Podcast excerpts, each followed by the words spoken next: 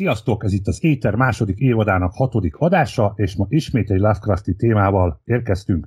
Korábbi beszélgetéseink során már kitértünk olyan témákra, amelyek közvetlenül kapcsolódnak Lovecraft személyéhez, hiszen beszélgettünk politikai nézeteiről, a tudományjal való kapcsolatáról, New York éveiről, azonban nyilván nem mehetünk el a populárisabb témák mellett sem. Ezért ma a Lovecraft és Cthulhu mítosz asztali szerepjátékról fogunk beszélgetni meghívott vendégeimmel. Itt van velem a virtuális stúdióban Gasparics László. Szervusztok, köszönöm szépen, hogy ilyen illusztris társaságban lehetek. Olejnyik Attila. Sziasztok. És Varga László. Sziasztok, köszönöm szépen a lehetőséget. Sajnos a hangom az hagy némi kívánnivalót maga után a tegnapi nap eseményei miatt. Remélem ez elviselhető lesz a hallgatók számára. A kicsit a tankcsapdás, szerintem teljesen jó. Akkor jó. Én pedig Tomsi József vagyok még töretlenül továbbra is. Nos, új vendégek, régi kérdés, mondjátok el nekem szépen sorba egy regény, novella, antológia, amely számotokra emlékezetes olvasási élményt adott. Rossz, jó, ultimate kedvenc, első, utolsó. László. Az Amazing Spider-Man 212-es száma volt, ami magyarul Csodálatos Pókember negyedik füzetként jelent meg. Ez a kiadvány volt az, ami elindított azon az úton, hogy illusztrátorként kezdjek tevékenykedni. Írói oldalról, történet mesélés oldalról pedig Lőrincel Lászlónak a Kéz a Sziklán című könyve volt az, ami ami megmutatta azt, hogy, hogy nem csak VHS-en lehet nézni thrillert és, és átélni horrort, amiben nem feltétlenül gumi szörnyek rohangálnak. Attila? Számomra nagy volt a kísértés, hogy a korbácsot mondjam, ez egy, ez egy klasszikus, szerintem mindenki ismeri, a Clive Barker korbácsát. Nekem, hát ez az örök, örök kedvenc könyvem, mondjuk, mondjuk van még néhány másik is, amit előveszek időről időre, de a korbácsot azt szinte minden évben elolvasom újra és újra, mert annyira szeretem. De az a helyzet, hogy nem, e, nem ezt fogom mondani, mert az első meghatározó élményem az jóval korábbra datálódik, egészen kisiskolás koromra, és ez egy ilyen sárga sirályos könyv volt, azt hiszem, tudjátok, volt ez a sárga sirályos krimiregény sorozat, e, Bogdán Lászlónak az ő felsége magánnyomozója című könyv volt az, ami engem így megállíthatatlanul elindított abba az irányba, hogy elkezdtem olvasni, szeretni. És ez is egy, ma már egy kicsit bugyuta, egy picit tényleg, tényleg ez egy ifjúsági regény, egy, egy, egy krimi mese egyébként, tehát egy gyilkosság történik benne, de egy, egy varázsvilágban történik ez az egész. Talán manapság már fentezinek mondanák, de, de valójában ez, ez tényleg egy mese, egy mesekönyv a üveghegyekkel, meg a sárkányjal, meg a varázslóval, akit, akit szegény brutálisan meggyilkolnak, és akkor van egy magánnyomozó, aki ezt az egészet a király megbízásából felderíti, és, és az egész mögött egy óriási összeesküvés van. Szeretem az ilyen szövevényes történeteket, úgyhogy ez, ez, az, én, ez az én első meghatározó élményem. Laci? Oké, okay. nekem is van egy. Hát én az első olvasási élményemet szeretném egyből felemlegetni.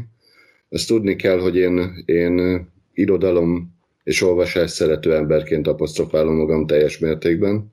Tehát nagyon szeretek olvasni, de hogy erre a pontra eljussak, ebben volt az életemben egy olyan akadály, amin, amin túl kellett lépni, ugyanis én, én ö, gyerekként vagy tizenévesként masszívan a diszlexia problémáival küzdöttem, és viszont szerettem a fikciót, mozgóképen és egyéb formában, és ezt a szüleim jól kihasználták, és vásároltak. Hát meg a édesapám gyűjtött régebben Galaktika magazint, és vettek egyet, ezen 13 éves koromban volt, akkor elkezdte járatni apám a Galaktika magazint újra, és ebbe volt egy olyan történet, ami megfogott, a részben az illusztrációk miatt, ez Kir Bulicsovnak volt a Boszorkányok bolygója című kis novellája, vagy kisregénye, ami egy egészen abszurd történet mai szemmel nézve, ilyen párhuzamos fejlődés, a földi biológia kialakult egy idegen bolygón, de de sűrítve, tehát az emberek együtt élnek a dinoszauruszokkal, meg hasonló badalságok, de akkor, akkor tizenévesként nagyon megfogott, és nagyon sokat mozgatta a fantáziámat ez a történet. És hát gyakorlatilag ezen keresztül kezdtem el ugye kijönni ebből a, ebből a mizériából, hogy nem tudok rendesen olvasni, ami elég rövid időn belül meg is oldódott ugye a Galaktika magazinnak köszönhetően. És hátulról melbe, mondjátok el nekem egyetlen, tehát mindenki mondjon egy darab kedvenc H.P. Lovecraft novellát, írást. Olyan nehéz választani. Um, árnyék Innsmouth fölött. Um, számomra ezt teremtette meg azt a milliót, és adta meg azt az ihletet, ami, amit a szerepjátékokban is uh, szoktam alkalmazni. Talán, talán az egyik legnagyobb kedvencem. Szörnyű öreg ember, mindig is, ez nem, nem, nem igaz, hogy mindig is ez volt, de már nagyon régóta ez a abszolút top számomra. Egyszerűen ez egy ilyen nagyon rövid és, és nagyon ö, sűrűn Lovecrafti történet számomra egyszerűen annyira nyomasztó, hogy tudjátok, van ez a borzongás az ember tarkójába. Tehát amikor én elolvasom a szörnyű öreg embert, akkor ezt érzem. Vannak más történetekben is hasonló részek, Lovecraft, Lovecraft történetekben, de, de ennyire intenzíven én ebben találtam meg. Nekem a kis regényei azok, amik tetszenek nagyon, tehát a, az árnyék az időn túlról, az valami fantasztikus történet, illetve a, az, az őrület hegyei, az a kettő, amit, amit említenék, és ami még kifejezetten személyes kedvencem, az a, az ezüstkor, tehát a, a Randolph Carternek a, az álomvidékeken történő kalandozásai azok egyszerűen fantasztikusak. Bár ott, ott ember legyen a talpán, hogyha elveszti, hogy melyik oldalon járt, akkor hogy megtalálni, hogy hol is járt pontosan, az, az nehéz, tehát kicsit kaotikus és struktúrálatlan történetek, de, de ettől függetlenül nagyon szeretem. Mielőtt tovább mennénk, mert nagyon fontos leszögezni, hogy ez, hogy ez a mai, mai adás, ez a mai beszélgetés nem a szerepjáték veteránoknak, szakértőknek fog szólni. Leginkább csupán általánosságokban fogunk beszélgetni a Lovecrafti asztali szerepjátékokról.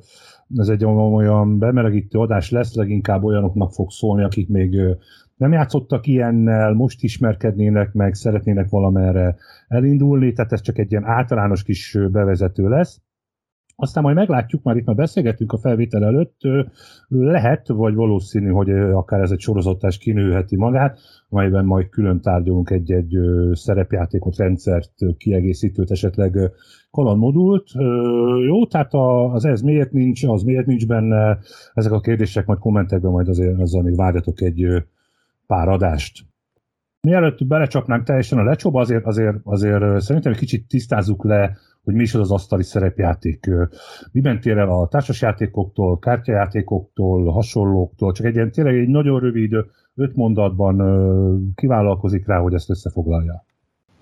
Én úgy gondolom, a szerepjáték az egy uh, csodálatos társasjáték, ahol a lehető legkevesebb kiegészítővel uh, egymás képzeletében vájkálva és azt kivetítve játszunk el egy történetet, alakítunk karaktereket, és, és ami a legfontosabb, érezzük jól magunkat közben.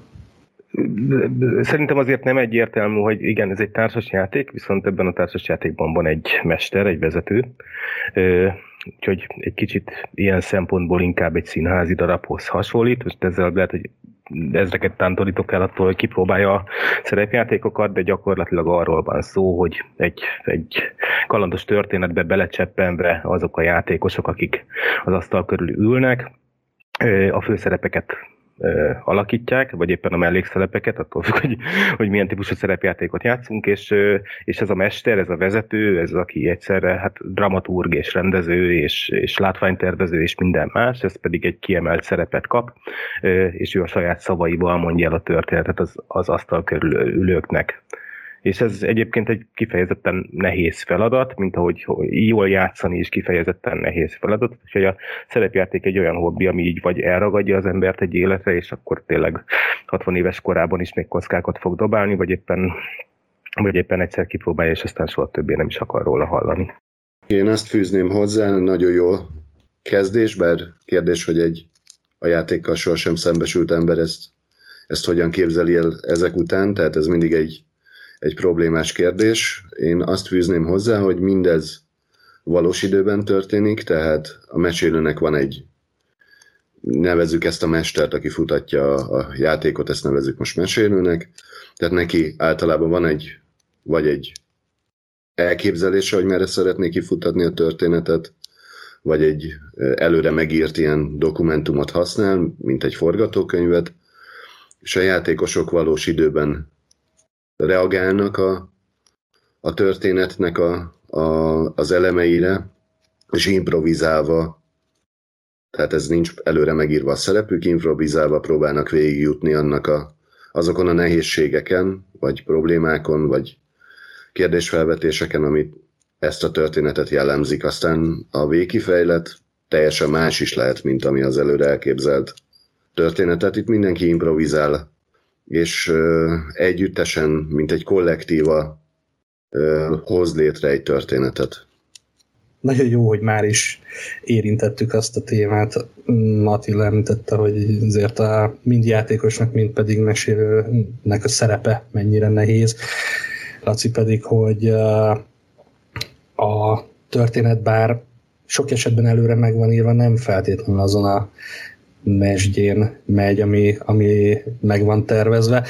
És számomra ez az egyik legcsodálatosabb dolog ebben, hogy, hogy bár bár van egy elképzelése, ahogy mondtátok a, a mesélőnek arról, hogy mi, minek kellene történnie, de hogy a játékosok a legritkább esetben mennek azon az ösvényen, ami előre meg van tervezve, és egy, tényleg egy ilyen, egy ilyen csodálatos uh, improvizációs játék tud kerekedni belőle.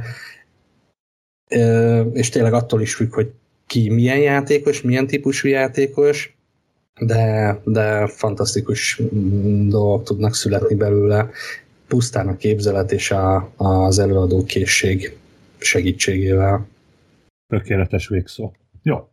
Mehetünk a következő kérdésre, gyakorlatilag az első konkrét ö, kérdésre. Ö, tehát az asztali szerepjátékokon belül ö, azért külön kategóriába tartoznak a Lovecraft és Tulumithosos szerepjátékok. Én, én azért úgy gondolom, hogy egy, egy ilyen horror kategória még, vagy talán még azon is belül. Mm. Mikor és melyik volt az első ilyen jellegű szerepjáték? Azt jól gondolom, hogy a, a Chaos Film és Sandy Peterson féle Cthulhu hívása volt az első? Ha kifejezetten a, a nyomozásra fókuszáló és az akciót egy picit háttérben szorító, háttérbe szorító szerepjátékról beszélünk, akkor én úgy gondolom, hogy igen, a horrorban már nem vagyok teljesen biztos. Um, nem vagyok nagy D&D játékos, néhányszor játszottam, de én úgy gondolom, hogy ott azért főleg a Ravenloft világában azért a horror az eléggé jelentős hangsúlyt kap, de mint, mint nyomozós, nekem meggyőződésem, hogy, hogy, hogy Sandy Petersonnek köszönhetjük ezt. Nagyon, azt, azt tisztázzuk itt a legelején, hogy ez egy nagyon régi hobbi, tehát hogy, hogy nem az van, hogy ez most egy ilyen új keletű bolondéria az a, a játékosok részéről, mi is már hát hogy többen már elmúltunk itt 40 évesek, maga az első ilyen hívás, vagy az első ilyen játék, a Kutulu hívása, az 81-ben jelent meg, ez, ez köthető Szendi Péterzenhez, és ő egy nagy rajongó volt, az biztos, viszont, viszont korábban már szivárogtak ki Lovecraftiános hát kiegészítők, vagy utalások különböző TSR-os kiadványokban, úgyhogy hát mondjuk azt, hogy egy valóban nyomozós, összeszedett nagy játék, nagy szerepjáték, asztali szerepjáték az elsőként a Cthulhu hívása volt, de azért előtte már, már ö, ö, léteztek ilyenek. Nagyjából itt a, a, gyakorlatilag a szerepjátékok megjelenésének a hajnalán már azért elkezdett beszivárogni a Lovecrafti világ a szerepjátékok közé is. Erre tudsz mondani példát, hogy mik, melyek voltak ezek? Uh, én, én azt tudom, hogy az első ilyen uh, azt hiszem az ott volt, és hogy uh, 1979-ben valamelyik magazinban, ilyen fanzinszerű magazinban jelent meg. Ez nem most volt. Két éves voltam. Akkor üdv a klubban, igen, én is annyi voltam. 79-ben megjelent a Dragon magazinban egy cikk, ami, ami a, az isteneket és a, a mitológiát taglalta, és ebből később a TSR készített egy, egy kiadványt. Igen, szerintem, szerintem erről, erről beszéltem. Ez a, és e, később, Igen. de nem, nem sokkal később, tehát így gyakorlatilag megelőzte egy kicsit a Cthulhu hívását, de valódi szerepjáték azért, ami konkrétan a nyomozásra fókuszál, és ez nagyon fontos, hogy a szerepjátékok között vannak, vannak nem a nyomozásra fókuszáló játékok is, tehát azért maga a Lovecraftiánus szerepjátékos világ az javarészt nem az akcióra épít. Vannak persze kivételek, és, és vannak, vannak, vannak persze a, tudom, humor, humorba hajló játékok is, meg egy csomó olyan leágazás, olyan fork, ami mondjuk, hogy Lovecraft örökségét azért annyira nem veszi figyelembe, viszont ugye itt az elején említettük, hogy a játékosok különböző hősöket alakítanak, és ezek a hősök ezek így hősi halált is tudnak halni, vagy éppen a Lovecrafti játékokban meg tudnak ügörülni, ez egy nagyon különleges vele járója a Lovecraftiánus játékoknak, és azt gondolom, hogy gyakorlatilag ez az irány, ez a hát a Cthulhu hívásának az iránya volt az, ami, ami megnövelte a karakterek mortalitását. Tehát alapvetően a korábbi játékok, a D&D, azok valóban hősközpontú játékok voltak, nagyon bonyolult szabályokkal, hősökkel, és hát amikor, amikor, amikor az ember könnyen, tehát az, az a pillanat, amikor az ember könnyen el tudta veszíteni a karakterét, van ilyen vagy olyan módon, az akkor jött el, amikor megjelent a Cthulhu hívása. De hogy te Laci nagyon lázza a fejét, úgyhogy biztos hozzáfűz valamit. Hát azért a korai, korai D&D vagy a AD&D verziókban azért, azért elég könnyen lehetett pusztulni, és ugye ezt a most, mostani új, új hullámos OSR játékok újra felvették ezt a köntös, de kétségtelen, hogy a, a Call of Cthulhu az, az nem, hív, nem kiméli a karaktereket. Egyetértek, Gygax-nek a saját moduljai, általa írt moduljai azért eléggé kínoszta a játékosokat, és néhány lépés után két vára fektette őket valóban. Tehát az, az hogy a karakterek két járonlábú apacs helikopterek, ez, ez most a modernebb játékokra jellemző a modern D&D kiadásokra. Gyakorlatilag akkor azt mondhatjuk, hogy az első önálló, ami gyakorlatilag erre épült, az, az, az talán akkor a Szedi Péterzen féle túlújívása.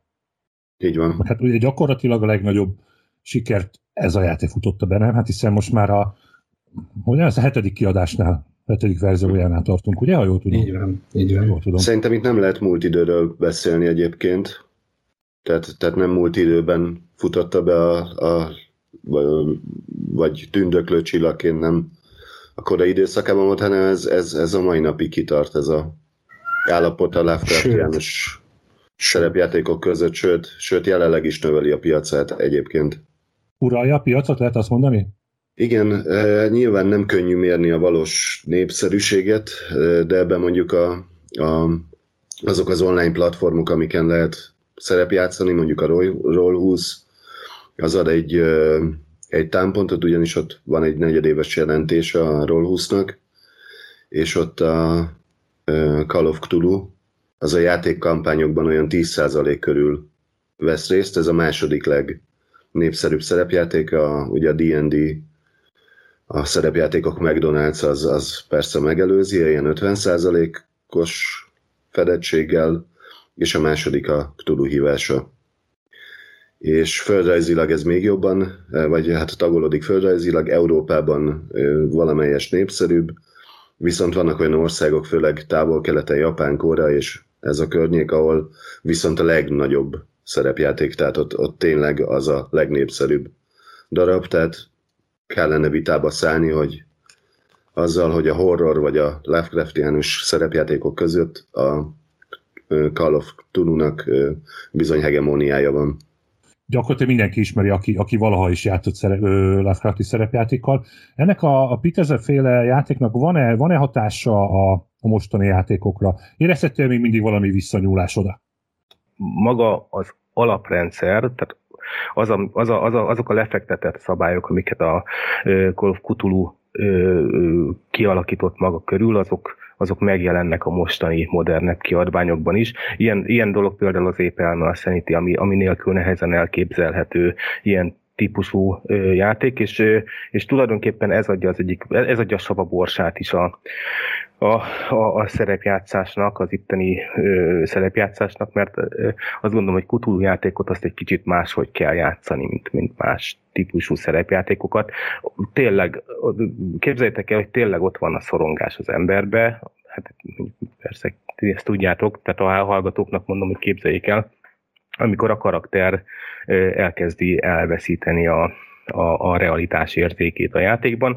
Ez egy mérőszám, egy Sanity nevű értéknek a mérőszáma, és vonatkoznak rá különböző szabályok, és ezeket a szabályokat hát a besélő betartatja, vagy többé-kevésbé betartatja, és amikor ez elkezd csökkenni ez az érték, még, még ha csak egy játék is az egész, akkor is így megjelenik egy ilyen valós, valós szorongás, az emberbe, a beleért karakterébe, hogy úristen, most, most mi lesz velem, és hogyan fogom, hogyan fogom ezt a helyzetet átvészelni. Hát bomlik az elmém. Ez egy nagyon, nagyon érdekes aspektus a, a Cthulhu játékoknak.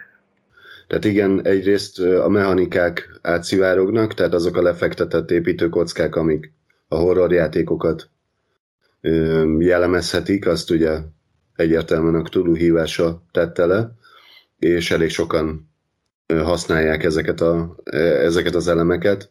Itt értem azt tényleg, amit a korábban is említett Attila, hogy az épelmével, vagy az őrülettel, vagy rettegéssel, vagy stresszel kapcsolatos szabályokat is mások alkalmazzák, illetve a mortalitás az divatos, divatosak azok a rendszerek, ahol, ahol tétje van a, az eseményeknek, ahol el lehet pusztulni, úgymond, tehát ahol meg tud halni a karakter.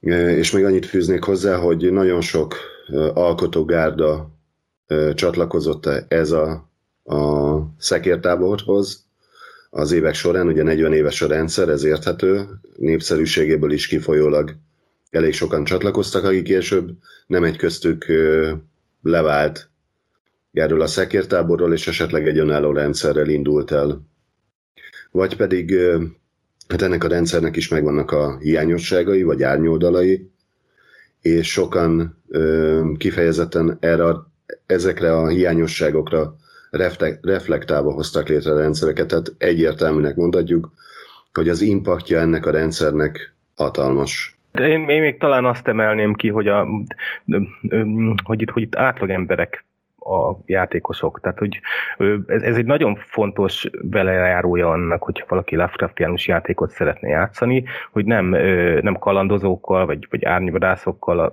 olyan emberekkel, akik fel vannak készülve arra, hogy az életük csupa veszély, olyan emberekkel játszanak, olyan embereknek a szerepét alakítják, hanem, hanem, hanem ez az a rendszer, hogy egy, egy egyszerű újságíró, vagy egy, vagy, egy, vagy egy hajléktalan adott esetben bele tud csöppenni egy olyan helyzetbe, ami hát az egyik napról a másikra nem csak, hogy felforgatja, de tulajdonképpen el is veheti az életét. És, és, és emiatt azért egy kicsit máshogy is kell ezt, tehát már, már, már a játékülés elején egy kicsit máshogy kell felkészülni a kalandokra. Ö, jó, ez nagyon jó gondolat, és nagyon tetszik, akkor itt álljunk is meg egy szóra, Ricsi tanár úr nyomán. Kedvenc karakterek. Egyet, egyet mondjatok. Nem nagyon volt ilyen? Nem, mert hamar hull, könnyen hullanak. Ha, igen, igen, hamar meghalnak a karakterek, úgyhogy nem. igen, igen. Jó, okés. Én, én, én, ki, én, én csak szeretnék megemlíteni egyet, kiemelnék egy, egy játékunkból egy szakácsot, aki, aki ö, szerintem zseniálisat alakította a, a történet során, mint a többiek is, de, de, de mint szakács, mint egy, mint egy erős, mélyen vallásos ö, szakács csöppent bele a, a történésekbe, és, és ö, fantasztikus volt, ahogy ezeket a dolgokat kihasználta, hogy konyhai eszközöket használt önvédelmi fegyverként, és, és minden, minden második sarkon letett egy keresztet, és amikor pedig valami olyasmit cselekedett, ami esetleg, a, amit esetleg az úr nem nézi jó szemmel, akkor sűrű bocsánatkérések közepette és lelkiismeret furdalással ment tovább. Nagyon-nagyon színes karakter volt. Azt mondanám, hogy emlékezetes karakterem van, mert vannak, vannak emlékezetes játéküléseim, vagy játékülések, és, és volt egyszer egy Magyarországon játszódó történet, ráadásul annyiban is érdekes volt, hogy valamikor a 80-as években játszódott. Ott egy, egy, egy Lakatos Lajos nevű taxissal játszottam, egy, egy egyszerű taxis keveredett egy viszonylag ö, nagy bajba, azt hiszem talán a végén szegény ördögot is veszett, de ö, ő például emlékezetes, illetve hát azért azt emlékezzünk meg arról, hogy most az elmúlt egy évben túlélt egy karakterem, most már nem, tehát hogy szerencsétlen itt olyan erőkkel találkozott, amiknek már nem tudott a forró fejével ellenállni, de, de egy Colin McLaughlin nevű ír műkincskereskedővel játszottam, egy, egy 20-as években játszódó történetben, egy, egy klasszikus kalandmodulban, és hát ő neki volt ideje a szívemhez nőni, és csinált nagy hülyeségeket, de valahogy mindig túlélte. És vagy óriási mázlia volt, vagy éppen a, a mesélőnk volt nagyon megengedő, de, de valahogy, tehát így, ki, igyekeztem kijátszani azt, hogy, hogy ír, és hát kedveli, kedveli a viszkit is, egy kicsit talán jobban is a, a normálisnál, és ezért aztán néha elveszíti a fejét, és, és, és csinált olyan dolgokat, hogy például az egyik főellenségnek direktben neki ment, vagy nem is egyiknek. Tehát valójában, valójában általában, amikor nagy balhé volt, és, és óriási slamasztikába keveredtek a karakterénk, akkor azért annak javarészt az én, én Kolinom volt az oka. Úgyhogy ő egy nagyon fontos ember volt a számomra, szegény egy egyiptomi piramisban nem vég az életét vesztette. Ami emlékezetes, ez hát sajnos, vagy szerencsére ez a karakter eléggé beette magát az agytekervényeim közé, tehát egy kis ducatot sikerült kialakítani magának, tehát elég részletesen láttam magam előtt mondjuk a házát, vagy a, a tárgyait, meg a, tehát hogy meg az embereket, akivel a mindennapi kapcsolatait éli. Ez egy ilyen kis szimulációként futott az agyamban, ő egy, ő egy árkemi festőművész, egy egész híres jómodú, élete végén jómodú festőművész volt, és Attila egyik moduljában tettünk pontot életének a végére. Ez az én kérésemre történt, mert, mert hogy le kellett zárni az egész sztorit, és, és valami piramisban vagy. De a, a, azt hiszem... Hát romok, romok között történt a dolog. Igen. Vesztette el, el az életét, viszont nagyon-nagyon komoly kalandokat élhettem át rajta keresztül. Ilyen volt az egyik ö, emlékezetes esemény, amikor egy ö, ilyen kutulú vagy egyéb isten követői elrabolták, és a festményt, tehát arra kényszerítették, hogy, hogy fessen, ilyen delíriumos állapotba, és ott próbáltak ö, egy kaput nyitni egy idegen sötét dimenzióra, és ezt csak úgy ö, tudta volna megakadályozni, hogyha megvakítja magát, úgyhogy megpróbálta a festő hitolni a saját szemeit egy, egy ö, élénk és éber pillanatban, de hát ez sajnos nem sikerült, úgyhogy egy ideig ilyen félszemű karakterként vittem tovább. Mostani időben, ami, ami szívemhez nőtt egy karakter, ez pedig egy állatorvos volt. Egy New Yorki állatorvos, aki azért volt kénytelen a pályáját elhagyni, mert az első világháború után annyira a német utálat vagy német gyűlölet elharapozott Amerikában, hogy, hogy a praxisát föl kellett adnia, illetve a család elvesztette a sörfőzdét, úgyhogy kénytelen volt lépni, és így került bele olyan kalandokba, amit végül nem élt túl. Őrült kalandok és karakterek. Nekem kettő lenne. Az első, ami rögtön az első játékomnál volt. Hát még ugye tapasztalatlan játékos voltam, és valahol eljutottak valami eszkimókhoz, és ott volt ott 7-8 eszkimó, és így gondolt az én karakterem, hogy hát neki meg van egy pisztolya, majd közéjük lő, aztán majd ott rendet vág. Az első lövés nyilván mellé ment, hat eszkimó, hat dárdát vágott bele a melkasába, úgyhogy fél óra játékmenet volt körülbelül, ennyi volt a történet. Aztán a másik volt, ez nagyon nagy kedvencem, tudom, hogy különben a novelláimba is folyamatosan visszahozok, Charles V. White nevű ö, pszichológus, aki némi drog problémákkal és, és tercius szifilisszel küzdött, majd még visszatér az évek során én szerintem. Szóval azt, azt látni kell, hogy, hogy itt a korábbi példákból is látszik, hogy, hogy ezek a karakterek már eleve elég emberiek és asendőek, tehát nem tökéletes gyilkológépeket személyesítünk meg, hanem próbálunk olyan személyeket játékba vinni, akik már eleve valamilyen, hogy úgymond defektussal rendelkeznek, mondjuk alkoholista vagy, vagy családi problémái vannak, mert ez is segíti egyébként a beleélést a, a horrorba. Pont amit mondtál nekem, ez különösen tetszik ezekben a karakterekben, a karakterépítésben. Én rendszerint mindegyik karakteremnek ö, írok komplesz, komplett ö, háttértörténetet, hogy ö, de tényleg nem egy sikúak, és éppen az, azáltal, hogy, hogy, hogy, hogy, hogy egyszerű közélet, közélet, közemberekről van szó, egyszerű, akár a szomszédunkról vagy ismerősünkről tudjuk, végtelen lehetőség van arra, hogy milyen karaktert és hogyan építünk ki. Szerintem sokkal komplexebb és sokkal mélyebb karaktereket tudunk ezáltal kreálni, mint mondjuk tényleg azok a hős karakterek, hogy van egy nyilván nem leszólni akarom, és nem akarom, hogy valaki dárdával megdobáljanak, és szerintem itt azért itt ez több képzelő, több képzelő erőt és, és több beleélés, talán empátiát is kíván, én szerintem a játékostól.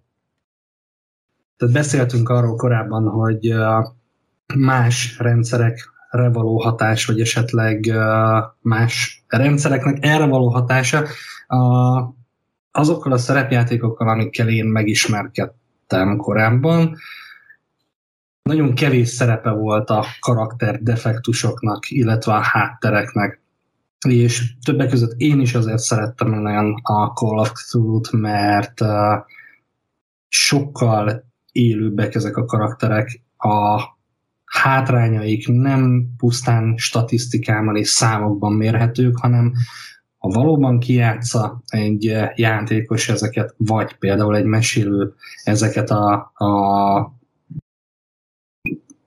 gyengeségeket, akkor, akkor nem csak a karaktert teszi színessé, hanem, hanem magát a szituációt is, amiben, amiben keverednek, mert például egy, egy, egy stressz helyzetben nem mindegy, hogy például egy 70 éves idős hölgy hogyan reagál, és nem csupán egy, egy, egy negatív statisztika az ő isiásza egy menekülési helyzetben, hanem egy valóban dramaturgiailag is hátráltató tényező gyakorlatilag abból, hogy ezek átlag emberek, abból az is következik, hogy nem tartoznak semmilyen társasághoz. Tehát, hogy nincs az, hogy ők egy, egy, egy, egy, egy, egy ö, irányba kell, hogy haladjanak feltétlenül, és ez egy nagyon, ö, nagyon nehezen kiátszható dolog szerintem. Tehát, hogy, hogy hirtelen teljesen átlagos átlag embereket, individumokat összehoz a sors, valamilyen oknál fogva, és ö,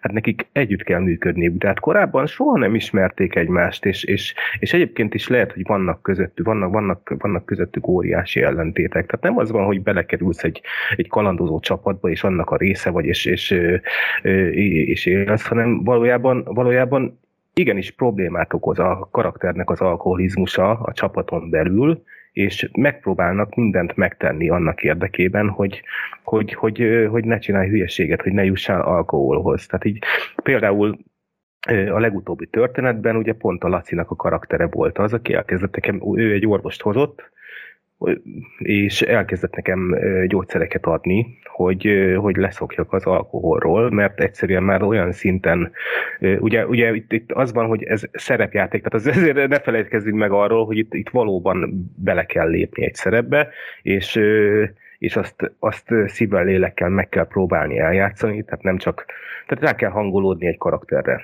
És és persze, amikor játszunk, akkor általában teljes mértékben józanok vagyunk, de a karakterünk nem feltétlenül az. Tehát amikor elkezdem azt mondani, hogy, a, hogy, hogy az első találkozás után a karakterem fölhajt egy kupicával, aztán még egyel, aztán még egyel, akkor, akkor, akkor egyrészt ezt nekem ki kell játszanom, másrészt pedig ezt aggódva fogják figyelni a társaim, akik korábban nem ismertek engem, nem tudták, hogy én ilyen vagyok, viszont abban a helyzetben, amiben vagyunk, ez kifejezetten veszélyes rájuk nézve és akkor ez egy újabb, újabb ö, ö, lehetőség a szerepjátékra. Tehát önmagában ez egy kalandos történet, és egy kaland, kalandmodulnak is hívják, tehát maga a történet az, az, egy, az, egy, az egy fordulatos, kalandos, rejtőjenői cucc, de ettől függetlenül vannak ilyen aspektusai is, és, és bizony előfordulhat az, hogy az én hülyeségem miatt a többiek bőre bánja. Elő is fordult egyébként nem olyan régen.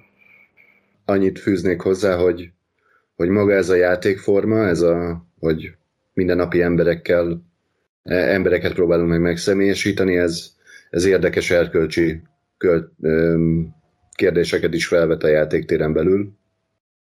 És hát nem tudom, hogy a többiek a játékbai, a játékbaiban ezzel hogyan, vagy akár a hallgatók a játékaikban, hogyha szerepjátszanak, mennyire szembesülnek erkölcsi kérdéseket, de ha egy játék tényleg arra épül fel, hogy mondjuk óriás cégeket rabolunk ki a sötét jövőben, akkor ott, ott, ott nem lesz erkölcsi kérdés, hogy visszalőnek egy, egy biztonsági őrre, vagy egy fantasyben, hogyha a hősökbe mennek a csúnya gonosz goblinok barlangjába, ott, ott nem lesz kérdés, hogy, hogy megölhetik-e a goblint, viszont, viszont itt ezekben a Lovecraftiánus játékokban ez, ez egy valós kérdés, hogy akár egy kultistát, vagy egy, akár egy, egy zombit, amíg nem tudod, hogy ez egy zombi, mert nem biztos, hogy egyáltalán el is hiszed, hogy ez egy halott, hogy van-e jogod megölni, és ez, ez elég gyakori része a játékainknak, illetve érdekes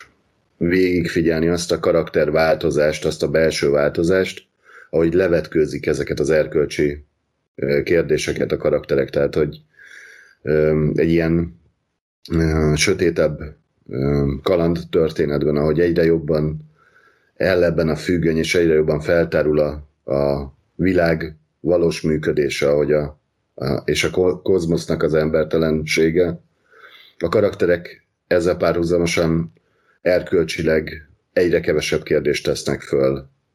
És furcsa az, ez a kontraszt, a, mondjuk nekünk már ez az utolsó kampányunk, ez mondjuk két éve folyik, valós időben, tehát az elején még ez komoly dilemmákat okozott a csoporton belül, a megoszló vélemények, vagy akár a küzdelmek, hogy mit tehetünk meg, és meddig mehetünk el, és ezzel szemben most már a karakterek egy közös célért gyakorlatilag az emberiség megmentésért küzdenek, esélyük sincs, ezt hozzáfűzném.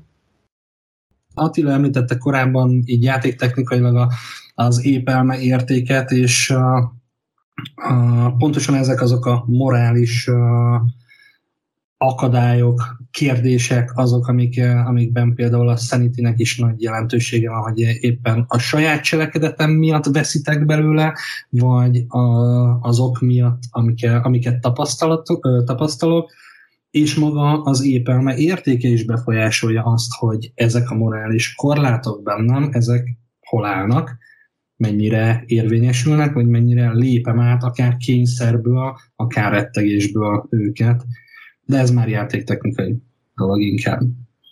Azáltal, tehát mindennapi embereket ugye alakítunk ezekben a játékokban, és ugye tehát nincsenek ultimate megoldások. Nincs az, hogy most akkor van egy vasárnap, és akkor vasárnap varázslat, és akkor meggyógyítom az összes sebedet. Nincs az, hogy most alszok egy este, és meggyógyul minden.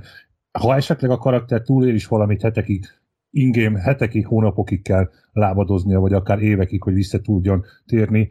És ez, a, ez az egész materialista szemléletmód, ez, ez, ez egyrészt sokkal nehezebb valamilyen módon, ugyanakkor valahol könnyebb is, viszont mindenképpen nagyobb kreativitásra ö, sarkalja, én szerintem legalábbis a, a, a játékost. Ugye én, én azért olvasok jó pár pár, jó pár száz amatőr irodalmi, Lovecraftiánus és hasonló művel találkoztam itt az elmúlt évek során. Találkoztam színesebb karakterekkel szerepjátékokban, mint, mint amelyet pár, pár irodalmi bűnben olvastam. Érdemes, mindenképpen érdemes én azt mondom, hogy egyszer mindenképpen ki kell próbálnia annak is, aki, aki írásra adja fejét, vagy tervez hasonlóval, mert maga a, a játék, a játék közeke nagyon inspiráló és nagyon-nagyon kreatív. Ide, nem, nem ide akartam hozzáfűzni, de ide is tökéletesen ide illik a, a személyiségfejlődés kérdése, mert hogy amikor az ember, le is teszem a kezem közben, mert hogy amikor az ember elindít egy karaktert, akkor van róla egy elképzelése, és, és mint a Laci mondta, most két éve játszunk, ez egyik, egyik klasszikus, van néhány ilyen nagyon klasszikus kalandmodul, és azok közül az egyiket a Masksoft nyarlatotepet játszuk éppen. Hát most már, most már több mint két éve egyébként szerintem. Tehát azt, azt képzeljétek el, hogy maga a kampánynaplónk is már egy ilyen kisebb könyvnyi oldalból áll. Az, hogy mi történt eddig a csapattal, is még nem látjuk a végét de hogy, hogy technikailag két év alatt mondjuk csak néhány hónap játszódik le, de egyszerűen akkora stresszéri a karaktert, hogy ez, ez egy karakter teljes átalakuláson megy át. Tehát például Colin, akiről az imént beszéltem, és ugye problémái voltak az alkohollal, mi, miután elkezdte szedni a gyógyszerét, ő így nagyjából rendbe jött, viszont, viszont egy másik kapaszkodót kellett keresnie, és akkor itt jött képbe az, hogy, hogy volt egy mellékküldetés, egy mellékszál, abban volt egy pap, egy hitehagyott pap, és akkor, akkor így rájött Colin, hogy, hogy, hogy a hit, hit az élete, és akkor elindult egy ilyen vallásos irányba, hát ebben már sajnos nem tudott kiteljesedni, de hogy, hogy, hogy gyakorlatilag, gyakorlatilag úgy változott meg, hogy közben folyamatosan ott volt, tehát egyrészt ott voltak a sötét árnyak, amik előbújtak a, a, a sötétben, és, és nem, is, nem is tudta, mert néha csak úgy találkozott ezekkel a sugallatokkal, ezekkel a lényekkel, hogy, hogy most ez vagy csak a fejében létezik, vagy valóban ott van, és, és megtámadja. Tehát, hogy, hogy ott volt a kaland része a dolognak, és közben pedig ott volt a dráma része a dolognak, hogy ő, ő folyamatosan küzd az alkohol démonjával, és, emellett, és, és emellé valamilyen kapaszkodót kell keresni keresnie. Úgyhogy mondom, egy ilyen hosszú történetben, egy ilyen kampányban, úgynevezett kampányban, mert ezeket hosszú történeteket kampánynak hívjuk, bármi megesett, bármi. És mindennek az ellenkezője is. Józsi, nagyon klassz, hogy említetted a, az irodalmi párhuzamot. Való igaz, én is sokszor találkoztam színesebben kidolgozott karakterekkel szerepjátékban, mint uh, akár kisebb irodalmi művekben. Ennek egyik oka talán az, hogy egy irodalmi műben a karakterrel rövidebb távra gondolkodik a szerző, mint egy uh, uh, szerepjátékban a, a karakterével a játékos. Elképzelhető, hogy ő, ő hosszabb távra és nem egy adott szituációra tervezi, Viszont egy másik dolog, ami, amiről most beszéltünk, hogy nem csupán a saját démonaikkal küzdenek ezek a játékosok, amiket, amiket tényleg nagyon-nagyon szépen mm, felsoroltatok, hanem magára a világra is reagálniuk kell, és nem elég, hogy a saját gyengeségeik, vagy akár előnyeik akadályozhatják, hogy vietik előre őket, de a világ is sok esetben olyan torz dolgokat tud mutatni, akár materiális szempontból is, amikkel egy átlagembernek meg kell tudni valahogy küzdeni, vagy ha nem, akkor végérvényesen elsüllyedhet a saját összeroppanó elméjének a, a súlya alatt. Nem, nem beszélve például az olyanokról, nem csak lények törhetnek rá a sötét sarokban, hanem akár, akár olyan eszközök, tudományos vagy uh, uh, tudományosnak mondott eszközök, amikkel soha nem találkozik, és egy átlagos, átlagos taxisofőr például, vagy állatorvos nem tud megbírkozni, hogy az az adott szerkezet, az, amit csinál, az, az, az, az milyen hatással van akár őre, akár a világra. Nagyon-nagyon-nagyon sok oldalról kapják a játékosok, a karakterek a, a pofonokat tényleg a kérdés általában ebben a játékban az, hogy meddig állnak. Végigviszik a 12 menetet, vagy nem? Tehát azért, azért ne úgy, tehát a hallgatók, akik először hallják ezt, ne úgy képzeljék vesztek el, mint hogyha ez valamilyen mély lélektani dráma lenne. Benne van, benne van ez az aspektus a játékban, de ettől függetlenül azért ez egy szórakoztató, alapvetően kalandos szituáció. Azért erről ne feledkezzünk meg, mert eddig csak tényleg csak az emberi dráma legmélyebb bugyrairól, emberi sorsok legmélyebb bugyrairól esett szó, de ettől függetlenül mi amikor játszunk, akkor remekül szórakozunk, és azért egy, egy istenséggel, vagy az istenségnek az avatárjával találkozni azért meglehetősen hát kalandos körülmények között meglehetősen maradandó élményt tud adni, és, és, és akinek ez nem fekszik, azért nem csak ezek a típusú játékok vannak, mert van, ugye, van az úgynevezett pulp irány, vagy éppen a, a, a vannak, vannak viccesebb játékok is, amik, amik erre építkeznek, ugyanúgy, hogy a társas játék között is ott van például a Cthulhu Munchkin, ami egy, egy, egy ilyen viccesebb aspektus ennek az egésznek, tehát nem kötelező feltétlenül a klasszikusokkal, vagy a klasszikusokra építkező játékokkal játszani. Tehát például a mostani aktív karakterem az egy, az egy egyiptomi könyvelő, csak hogy maradjunk a, a szokásos foglalkozásoknál, és hát be kellett ugye vezetni a játékba, úgyhogy egy olyan előtörténetet kapott, hogy egy ilyen kultusz elrabolta a lányát, és azután nyomoz. És volt egy olyan szituációja a játékban, ami nekem előhozta a horrort, tehát teljes mértékben. Meg se tudtam szólalni konkrétan, de hát ebbe a hurokba én dugtam bele a fejemet, ugyanis maga a karakter az a játékban találkozott egy, egy médiummal, aki kérés nélkül meg, meg előhozta a lányát a, úgymond a túlvilágról, és erről kiderült, hogy számomra ez egy, ez egy olyan trigger, hogy így, így lever a víz. Tehát ilyen is van, tényleg a maga a játék az, az egy szórakoztató dolog, viszont ezekben a játékokban, hogyha a környezeti adottságok és a többi játékos ezt valahogy elő tudja hozni, akkor részlegesen vagy akár egészen megtapasztalható a kozmikus horrornak az élménye. Nem sokszor van ez, tehát ezt, ezt le kell szögezni, hogy ez egy szórakozás a részünkről, de néha, néha azért, azért sikerül egészen Lovecrafti mélységekbe alászállni. Ja. félig meddig valamennyire már bele nyalintottunk ebbe a kérdésbe, de akkor beszéljünk egy kicsit arról, hogy, hogy mennyire tudja megtalálni egy játékos nyomozó és, és keeper mesélő egyaránt Lovecraft hangját, művészetének lényegiségét, esetleg a, a kozmikus horrort a, a, ezekben az asztali szerepjátékokban. A félelem, vagy, vagy inkább a, a, kaland, az izgalom dominál inkább jobban?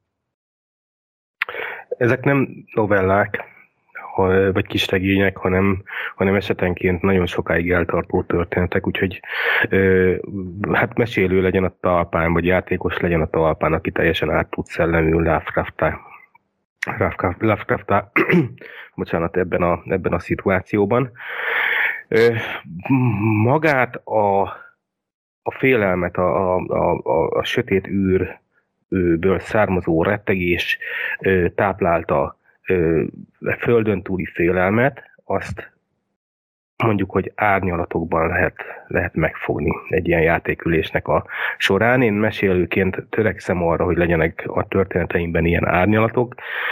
Ehhez, ehhez mesélői eszköztáramból tudok példát mondani, adott esetben megteszem azt, hogy becsukhatom a szemét a karaktereknek, és úgy mesélek le jeleneteket, vagy vagy éppen, vagy éppen a kezembe veszek egy jégkockát, és, és miközben a karakter ül velem szembe, egy, a jégkirek kezemmel egy pillanat alatt hozzáérek, hogy végig simítom a, az alkarját, hogy érezzen ilyen dolgokat, mert hogy csak magával szavaimmal. Tehát tényleg ez, ez egy nagyon, nagyon nehéz helyzet, amikor, amikor eljut egy olyan csúcspontjára a történet, amikor hát ez egy fordulópont mondjuk nevezzük annak, és, és ezt így át kellene érezni a játékosoknak, és és, és nem érzik át. És közben pedig mesélőként ez is feladatot, hogy senki ne unatkozzon az asztalnál, miközben történetet mesélsz. Úgyhogy ezt a kettőt így összerakni, úgyhogy még meg is fűszerezd valamennyi horrorral, nagyon nehéz. Én, én próbálok horror történeteket mesélni, de hát nem mindig sikerül. Sokszor elmegyünk be a pulp irányba. És, és, és a másik dolog, ami még nagyon fontos ezzel kapcsolatban az, hogy, hogy milyen helyszínen játszunk, hogy hogyan játszunk. Tehát egy, egy forgalmas kereszteződésben lévő kávéházban, ahol odakint a szirénázó mentőautó elmegy az épület előtt, vagy éppen folyamatosan durálnak, ott nem lehet feltétlenül megfogni Lovecraftnak a ö, sötétségét, vagy a nyomasztó hangulatát, viszont, viszont egy otthoni helyzetben esetleg gyertyákkal kivilágítva azért közel lehet ehhez kerülni. De mondom, ez, ez nem folyamatos. Tehát én, én, én soha életemben nem ültem olyan kalandba, amiben folyamatosan meg lehetett fogni a Lovecrafti ö, szörnyűségeket. De nem is baj, tehát idő, valójában bőven elég azt időnként megtapasztalni. Ez teljesen lútri. Tehát a, a játék az nem tartalmazza ezeket a... Tehát nem tartalmazza a játék a félelmet és a, a, a kozmosznak a, a végtelenségét, embertelen közönyét, ezt, ezt nem mondhatja magáénak, tehát nincs benne, úgymond. Ez egy olyan szórakozási forma, ami viszont egy lehetőséget ad, hogy az ember ezt valahogy szintetizálja, és hogyha összejön, az, az szerencse kérdése, tehát annyira a szituációktól függ rendszerint, hogy, hogy most, most ben szakad a levegő, és, és megáll egy pillanatra az egész játékmenet, mert mindenki ö, átérzi az adott szituációnak a szörnyűségét, tehát ez egy, ez egy ritkaság, aminek örülni kell, viszont nem jön automatikusan. Pedig dolgozni kell rajta, és, és, és tényleg véletlenszerű, hogy, hogy mikor és, fog és bekövetkezni. Bocsánat, csak egyetlen mondat, és a játékosnak is akarnia kell ezt. Igen. Tehát ez, ez olyan egyébként, mint amikor az ember egy, tényleg egy regényt olvas, és, és nem mindig jön a... Tehát nem lehet tudni előre, hogy most katarzis fog jönni, vagy sem, vagy egy, egy zeneművet hallgat, és föláll a hátán a szőr, és, és tényleg úgy érzi, hogy hűha, meg, megesik, tehát előfordul, de, de, de azért egyrészt dolgozni kell, és, és nem lehet előre megmondani, hogy ez mikor fog bekövetkezni. Tehát a mesélő azt kitalálhat bármilyen összetett vagy hátborzongató szituációt, az attól még nem feltétlenül igaz, hogy az, az egy ilyen katarzist fog létrehozni a játékosokban. Viszont, hogyha összejön, nagyon jó átélni ezt, a, ezt az élményt, főleg egy, egy csoportban, tehát csoportosan. Félelem vagy izgalom dominál jobban ezt annak a, az elegye fogja meghatározni, amit a játékosok, a történet, a mesélő az általános hangulat uh,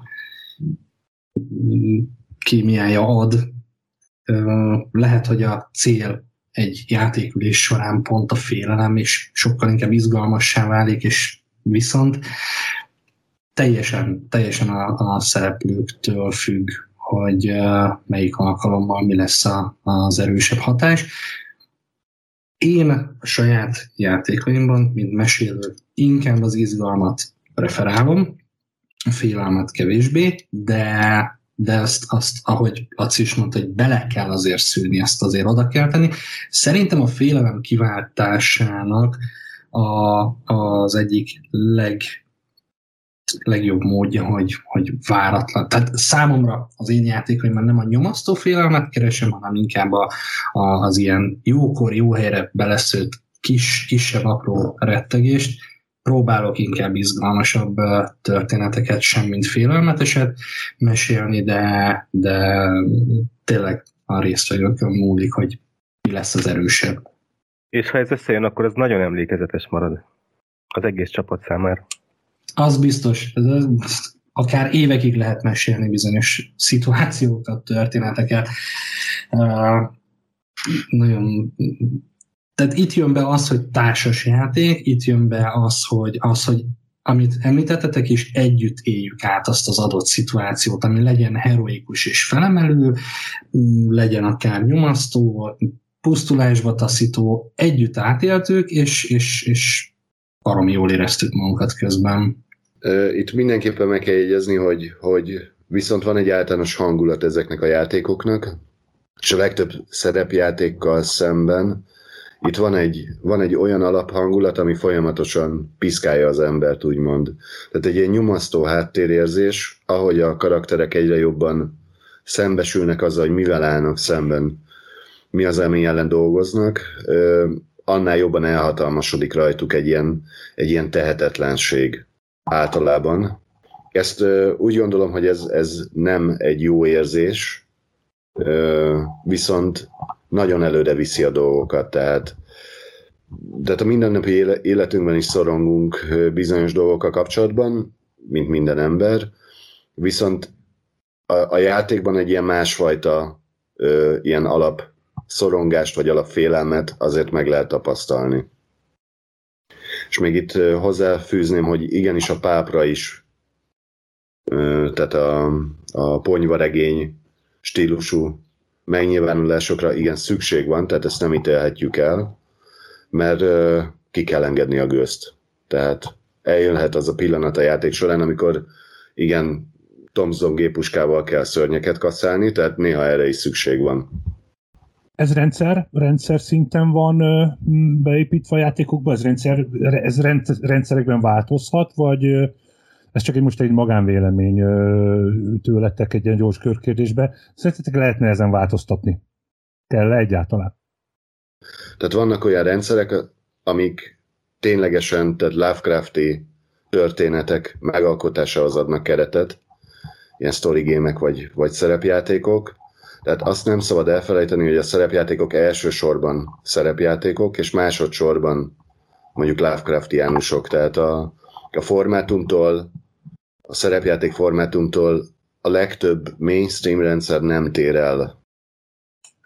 Az irodalmi uh, mi volt át Lovecraft munkásságának, akkor lehet szerintem belevinni ezekbe a szerepjátékokba, hogyha azzal mindenki egy kellően uh, kellő akarattal rendelkezik iránta, kellő hangulattal és uh, kellő háttértudással.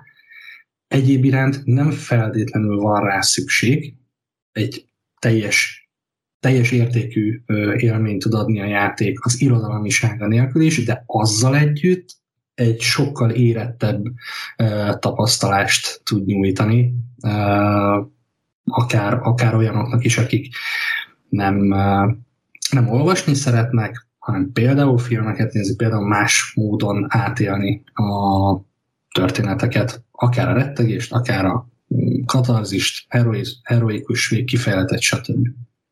Én, én csak egy mondatban vissza, visszatérnék a hosszára a játéküléseknek. Tehát, hogy azt gondolom, hogy, hogy mondjuk egy két órás játékülésre egy ilyen egészen speciális történettel fel lehet úgy készülni, hogy, hogy az valamilyen szinten ö, visszahozza azt az érzést amit, amit Lovecraft olvasása közben ér, érzünk, és, és, és innentől kezdve teljesen mindegy, milyen a rendszer mögötte. Tehát én most mostanában elég, pont, pont emiatt a a beszélgetés miatt is, megnéztünk elég sok rendszert a Lacival, beleolvasgattunk, találtunk is olyat, ami ígéretes, de össze, összességében teljesen mindegy, hogy hogyan mesélő indukálja a rendszer, vagy éppen, vagy éppen a játékos próbálja ösztönözni arra, hogy, hogy forduljon Lovecraft felé, ha két óránál több a időtartama az ülésnek, akkor egyszerűen nem, mert, mert egyszer csak valakinek pisilnie kell, vagy két sörnél több fogy el, tehát egyszerűen elmegy, ez a, el, elmegy egy másik irányba az egész történet, és utána apránként szépen visszaköszön Lovecraft. Térjünk hát beszéljünk egy kicsit a hazai szintéről. Attila és Laci, tehát Varga Laci, ti vagytok ketten a, a Tulu Mythos és szerepjáték Lovecraftiánus TRPG csoport jelenlegi adminjai. És az utóbbi időben egyre aktívabb a, a csoport. Azt hiszem, hogyha havonta van, van nyereményjáték, ha jól tudom? Törekszünk rá, hogy legyen havonta nyereményjáték, igen. Szuper. Van-e rálátásotok arra, hogy mennyire aktív a, a, a hazai szintén? Nyilván ez a kérdés nem csak kettőtöknek szól, mind a hármatoknak. Mennyire, mennyire aktív a, a, a hazai szintér?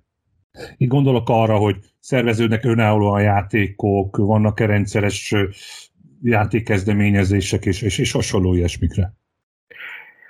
Én, én, én azt gondolom, hogy egyébként aktív a hazai szintér, a csoporttól függetlenül is. Nem feltétlenül rajtunk keresztül kell szerveződni a játékoknak. Tehát, hogyha megnézzük például a, a Kutulunyumában magyar kiadásának a, a eladási számít, mondjuk nem vagyok tisztában a számokkal, de azt tudom, hogy elfogyott az összes, összes könyv, vagy éppen, vagy éppen azt, hogyha bemész egy egy random fővárosi ö, ilyen geek kávézóban, akkor ott nagy eséllyel találsz olyan asztalt, ahol kutuluznak. Ez szerintem azt jelenti, hogy egy maga a szintér aktív. Az, hogy egyébként nagyon szépen növekedett a csoportnak a létszáma is az elmúlt időben, de, de azért szerintem még messze vagyunk a, a maximumtól. Nincs, nincs tehát nyilván a D&D-vel nem lehet felvenni a versenyt, és azért azt is látni kell, hogy a magyar kiadók azok, azok most, most szintén megérezték ennek a reneszánsznak a szelét, és, és azért, hogyha megnézzük mondjuk a Deltának a kiadványait, akkor, akkor ők ez, ez egy teljesen más irányt hoz. De azok, azok a, az új játékosok, akik esetleg megkóstolják majd a, nem tudom, Fantasy Age, vagy bármelyik másik deltás kiadványt, ami nagyobb, nagyobb tömegekhez el fog jutni, én azt hiszem, hogy előbb-utóbb le fognak ülni kutúrozni, úgyhogy én, én nem, nem félek attól, hogy itt ne, csak, ne, ne növekedne a játékosok száma az következő egy-két évben. Egyrészt reménykedek, hogy, hogy ez a podcast ez, ez hatásos lesz, és ugye a, a, az irodalom kedvelők közül egyre többen veszik az irányt e felé, a hobbi felé is. Másrészt pedig azért van élet.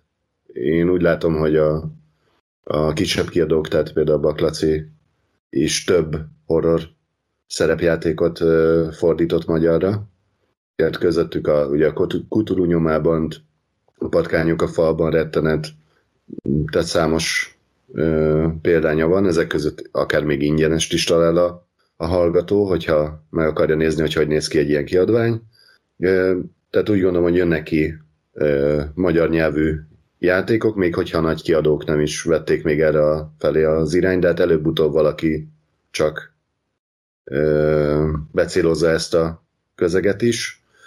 Illetve Magyarországon van olyan bolt, ahol konkrétan kap, kapható a kutulú hívása, és annak több kiegészítője, tehát elérhető a közönség számára, elérhetőek a közönség számára ezek a rendszerek.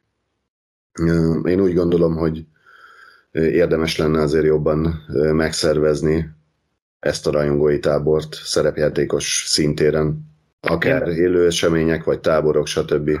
Azt, azt látni kell, hogy mi hiába vagyunk adnak egy csoportban, és, és hiába szervezünk ilyesmit, ameddig ö, tehát, tehát nyilván te is látod, hogy, a, hogy az éteren keresztül hogyan lehet megszólítani az embereket. Ezek az, ezek az emberek, ezek vagy nem aktív játékosok, vagy aktív játékosok, de a saját kis csapatukban dolgoznak. A Facebook egy, egy, egy, egy szócső, ott nagyon sok minden, mindenki, mindenki hallhatja a hangját, úgyhogy ha, ha nem jutsz el mindenkihez, akkor tulajdonképpen mindegy is, hogy van-e ilyen csoport, vagy nem. Mi azt látjuk, én azt látom, hogy például a megtekintés az egyes, ö, egyes posztoknak a mi csoportunkban 60% környéki, azért ez egy 400 fős csoportnál annyira nem rossz. Az, hogy mennyien reagálnak rá, az egy másik történet, de, de azért eljutunk a saját játékosainkhoz. Én leszek ennek a, a magyar szintérnek egy picit a, a kivétele. Elsősorban köszönhető mondjuk a saját múlt béli bezártságomnak én nem vagyok aktív szereplője. Semmilyen módon legalábbis eddig nem voltam, viszont amikor elkezdtem keresni azokat a fórumokat, ahol ennek a játéknak a, a kedvelői és játékosait megtalálhatom, én, én abszolút meglepve tapasztaltam azt, hogy nagyon is aktív tábor van, és, és, és sok, sok csoport játsza, akár egymást keresve, akár pedig már kész évek óta összetartó csapatok. Például Józsi veled is itt találkoztam egy, egy ilyen fórumon keresztül. Én tényleg csak buzdítani tudok mindenkit, aki, aki eddig nem volt aktív ezekben, hogy keresse ezeket a fórumokat, keresse ezeket a csoportokat, nagyszerű emberekkel lehet találkozni, és, és nagyon jókat lehet játszani, és ennek köszönhető az is például, hogy most itt beszélgethetek veletek. És még annyit a kiadványokhoz, én, én magam is ö, készítek modulokat, illetve hát elég sok szállat tartok a tűzbe, ö, és, és azt látom, hogy nem vagyok egyedül. Tehát pont, pont talán pont a, a, a Facebook csoport miatt vettem észre azt, hogy vannak még hozzám hasonló ilyen jó, józan, józan, józan őrültek, akik hajlandóak arra, hogy mit tudom én, néhány tíz letöltés miatt egy fél évet dolgozzanak valamin. Ez egy, ez egy nagyon jó dolog, igen. Jó, jó dolog azt látni, hogy növekszik a, növekszik a letöltések száma, vagy, vagy adott esetben. De most, most azt vettem észre, hogy ö, az Itch.io-n tehát nem, nem Magyarországról származó letöltése is vannak a történeteknek. Amit nem is értek, hogy hogyan, de, de hogy, hogy letöltik őket, és megnézik, és, és tanulnak belőle.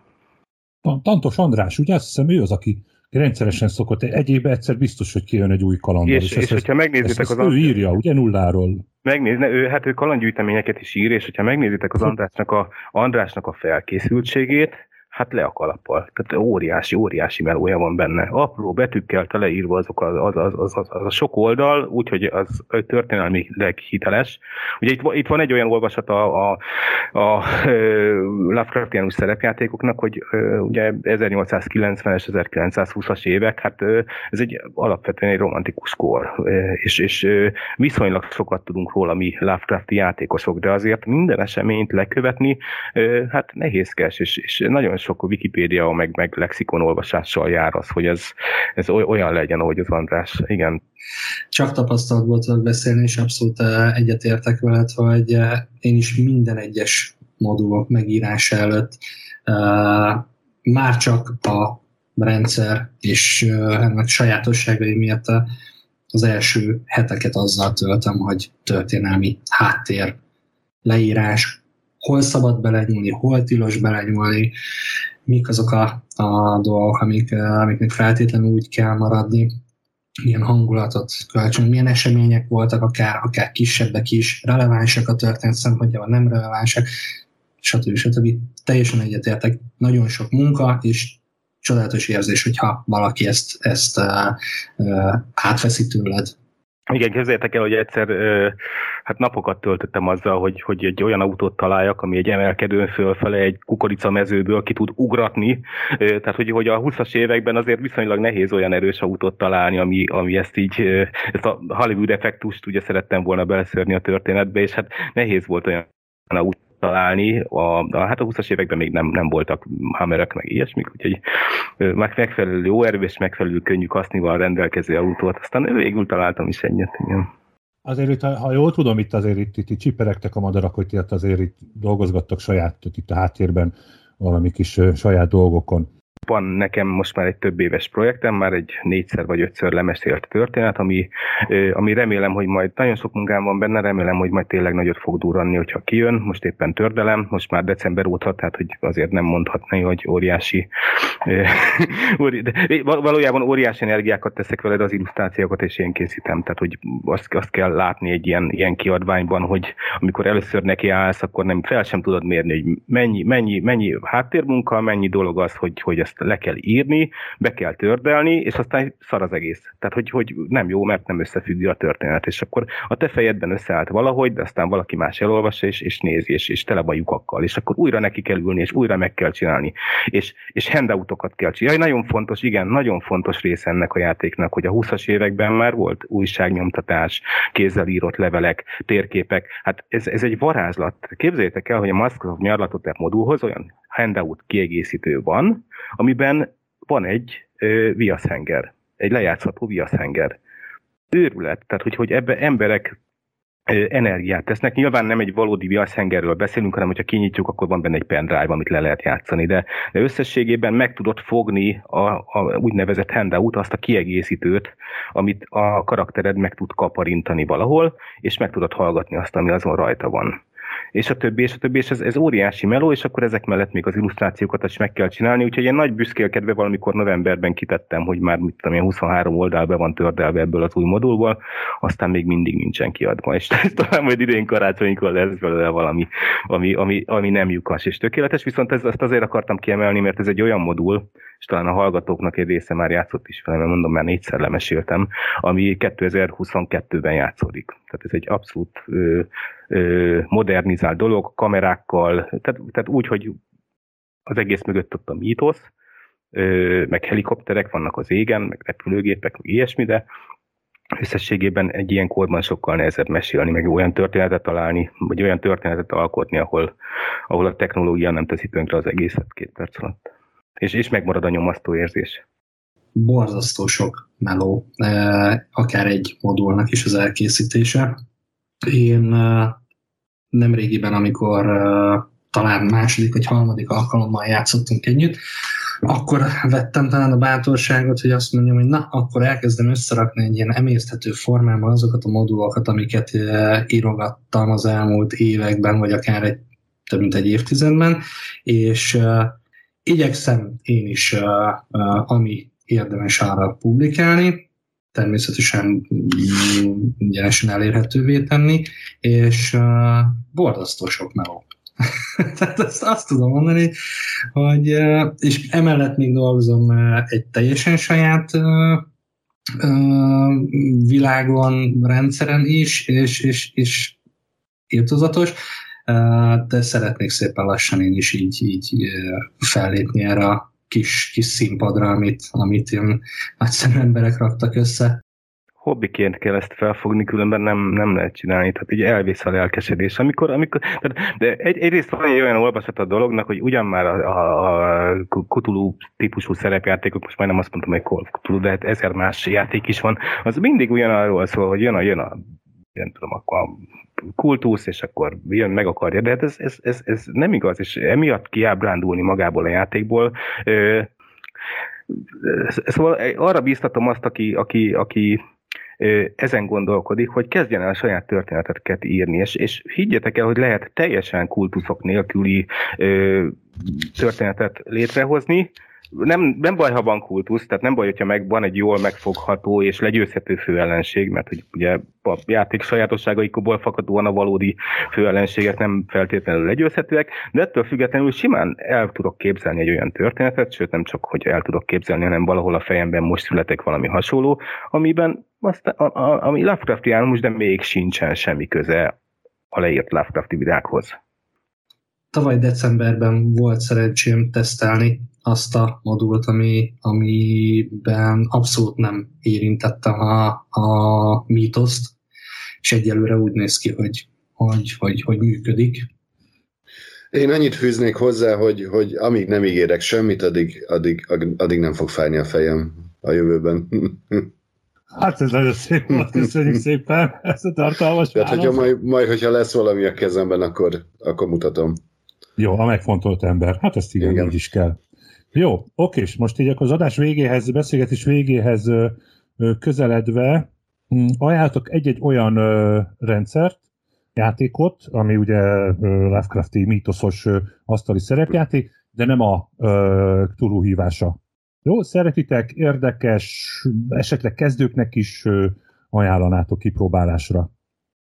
Van egy játék, amit, amit nekem nagyon megtetszett mostanában, és ez azért tetszik, mert határozottan puszolja a játékost arra, hogy, hogy, hogy felépítse a saját karakter személyiség fejlődését.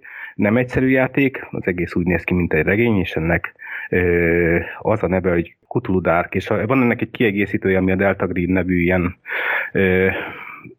sötét zsarus tematikájú szerepjátéknak, tehát Lovecraftiánus sötét zsarus tematikájú szerepjátéknak a ö, zászlóját viszi tovább, és ennek az a, az a címe, hogy Cthulhu Dark Green. Ez két olyan játék, amit nagyon jó szívvel ajánlok, és azt hiszem, hogy a Dark Green még ingyenes is. Én a Trail of Cthulhu-t merném ajánlani, akár kezdőknek is, Um, ő 2000, talán 2008-9 körül jelent meg egy, uh, egy másik rendszert használ, aminek a Gumshoe nevet adták. Itt az a, az a fő apropója a játéknak, hogy kifejezetten nyomozásokra fekteti a hangsúlyt, nagyon-nagyon-nagyon kevés benne az akció. A játékosok és a, az általuk alakított nyomozók nem állnak annyira feltétlenül messze egymástól, a játékos képességei nagyjából um, hozzák a, a karakter képességét. Rejtvények megfejtése, összedolgozás, kooperáció, e, minimális e, kockadobálás, sokkal több dramaturgia, és tényleg alap, basic e, akció, ezt, ezt tényleg tudom, tudom ajánlani kezdőknek is akár. És elér, elérhető magyarul ez a játék. És így van, így van, köszönöm. Magyarul is elérhető, igen. Igen, igen, igen. Tudó hívásával játszunk jelenleg, viszont nagyon szeretném kipróbálni a Delta Green-t, ami egyébként a Cthulhu hívásának egy forkja, vagy, vagy leszármazottja, úgymond.